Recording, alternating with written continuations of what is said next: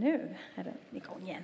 Jag tänkte titta lite till i den här boken idag.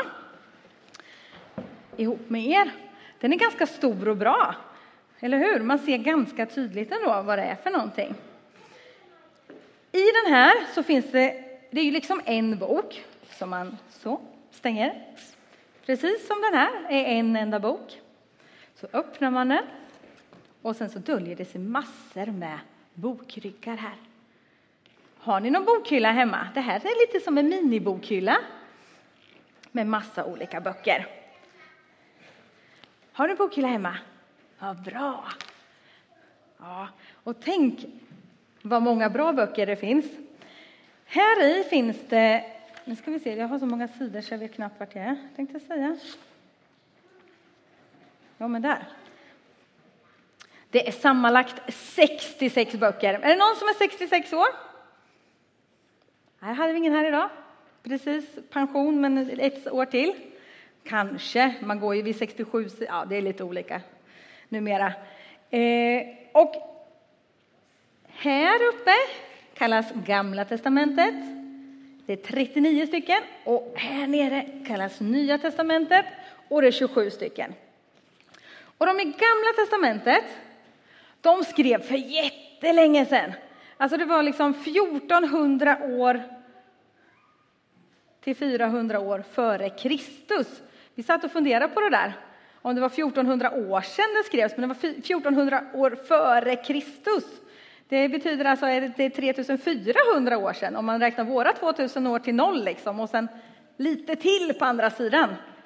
Så under lång, lång tid så har det här skrivits ner och man har hittat alla de här texterna och de har berättats. Men Gamla testamentet, det sammanställdes ungefär som det är idag, för 400 år innan Jesus föddes. Så det var den bibeln som Jesus läste, liksom. det var första delen här uppe. Den läste Jesus, fast inte i böcker utan på rullar. Så långa bokrullar hade de. Sen, de här, det här i Nya testamentet, det handlar ju liksom om när Jesus föddes och vad som hände efter och lite mer goda råd och så till oss, ju, eller hur, som är nu.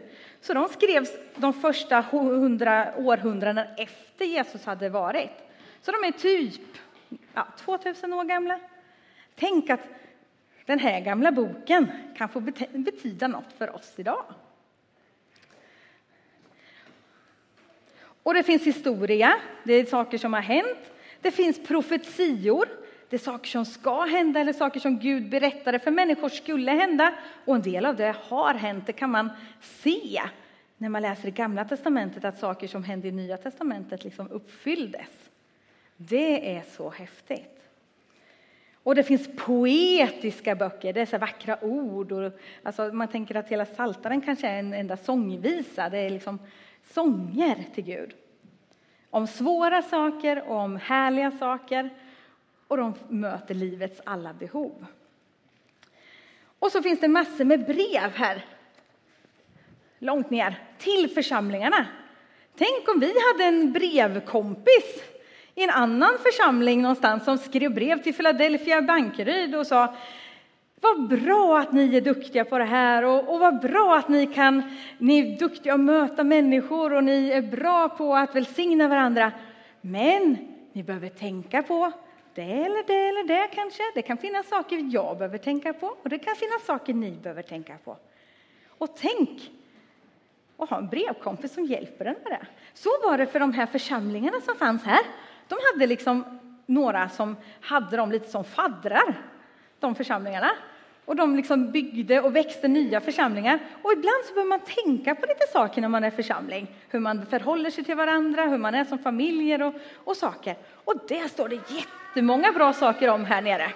Så man kan ju tänka att det är våran brevkompis nästan här nere.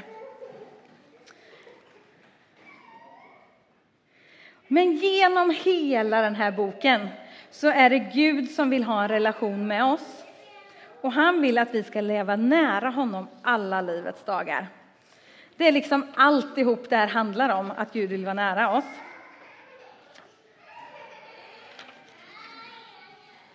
Men hur kan vi då höra Gud genom Bibeln? Va? De här öronen som Samuel använde. Samuel ropar, eller Gud ropade ju på Samuel. Och det var ju nästan att han ropade så högt så han tänkte, nej nu stoppar jag i öronpropparna så jag får sova i natt, eller hur? Var det så? Han tänkte, vad är det för någon som gapar på mig hela natten? Va? tokig Samuel. Nej, det var Gud som ville att han skulle bli, liksom, lyssna på honom. Ja, men jag tror det är så här att vi alla skulle behöva läsa den här boken lite, lite till. Och för att tänka att man behöver göra det så kanske man behöver avsätta tid för att nu ska jag göra det. Antingen gör man det själv eller också gör man det som familj eller som par eller som, ja men precis sådär.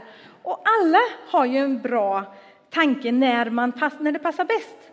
En del gör det ju innan frukost, så här tidigt på morgonen. Det skulle jag aldrig fixa, för jag ser ju kors före frukost. Liksom.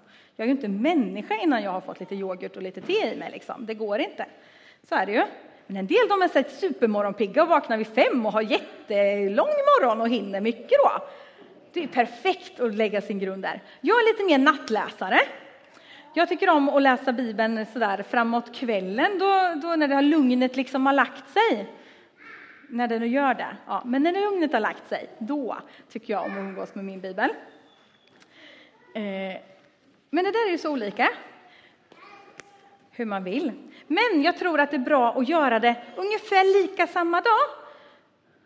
För då gör man det regelbundet och det blir en rutin. Och gör man det inte då så saknar man det. Det är som att borsta tänderna, man gör det liksom bara av att, bara farten. Och har man inte gjort det så bara, hm, vad konstigt det smakar i munnen idag, vad har jag glömt liksom? Fast annars, gör man det så tänker man inte på att man gör det, för det bara händer. Och så tror jag med bibelläsning med, att det smakar gott när man läser Bibeln. Och har man missat det så kan det bli lite så här, vad konstigt det är idag.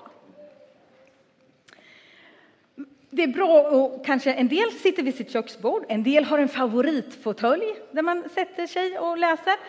Och en del de liksom lägger sig i sängen, för det, det gör jag. Det, och då läser jag. Sen så tror jag att Gud vill att vi ska vara lite lyhörda när vi läser. Och inte bara läsa och sen, ja nu har jag läst, nu slår vi ihop. Jag tror att Gud vill att vi ska be honom tala när vi läser i ordet i den här fantastiska boken. Att vi ber honom tala genom det vi läser. Precis som Elisa, eller vad säger jag, Inge, nu tappar jag ordet. Inger läste bibelordet för oss. Att vi lär oss det här genom hela livet. Så tror jag att vet du, den vill hjälpa oss att korrigera oss och, och vara med oss hela livet. Läsa texten och efter man har läst texten fråga sig vad stod det egentligen? För ibland kan det vara något klurigt ord man behöver slå upp. Och vad betyder det? Och vad betyder det för mig idag, här och nu? Och så kanske man får avsluta med att, ja men Gud, hjälp mig så att det här får ändra sig i mitt liv. Det kan ju vara så här att man läser något och bara, just det, det här behöver jag faktiskt ändra på i mitt liv. Och då kan man verkligen få eh, chans att göra det. Som hjälp den här sommaren så har jag tänkt så här att alla familjer innan de går härifrån idag ska få en liten eh, bibelläsningsplan. Liksom, eh, eh, och det är 28 dagar. En semester är ish 28 dagar, fyra veckor. Och läser man Matteus evangeliet så är det 28 kapitel. Sen har man olika stora barn och sådär, så att ibland kanske det räcker med en liten bit ur ena kapitlet och ibland så vill man ha hela. Men just det här att man avsätter tid, att man liksom Diskutera vad det faktiskt stod, att man ber att tack gode Gud för att det här kan få göra någonting i vårat liv. Det, och sen har man inte barnfamilj då kan man faktiskt få hem en i alla fall, tänker jag. Alla kan få ta med sig hem till sitt hushåll så att man kan få upptäcka Bibeln i sommar på semestern.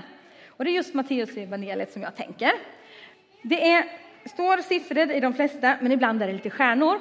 Och här tänker jag att man som familj får bestämma innan man börjar läsa, att när vi har kommit till den stjärnan, då ska vi göra det här ihop. kanske spela ett spel eller åka och spela minigolf eller något sånt där.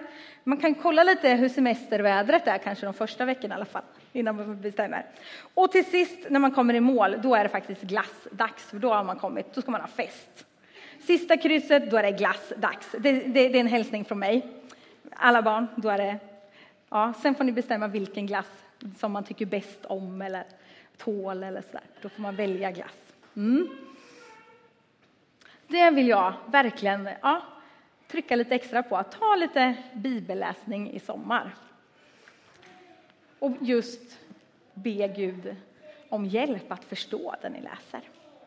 Nu ska vi gå över och sjunga en sång. Under den här tiden så ska vi få vara med eh, och vill man röra sig och be för någonting och tända ett ljus för ett bönämne eller att man vill be för varandra i bänkarna eller bara sitta och lyssna på vad Gud vill säga här och nu så kan man få vara med och göra det.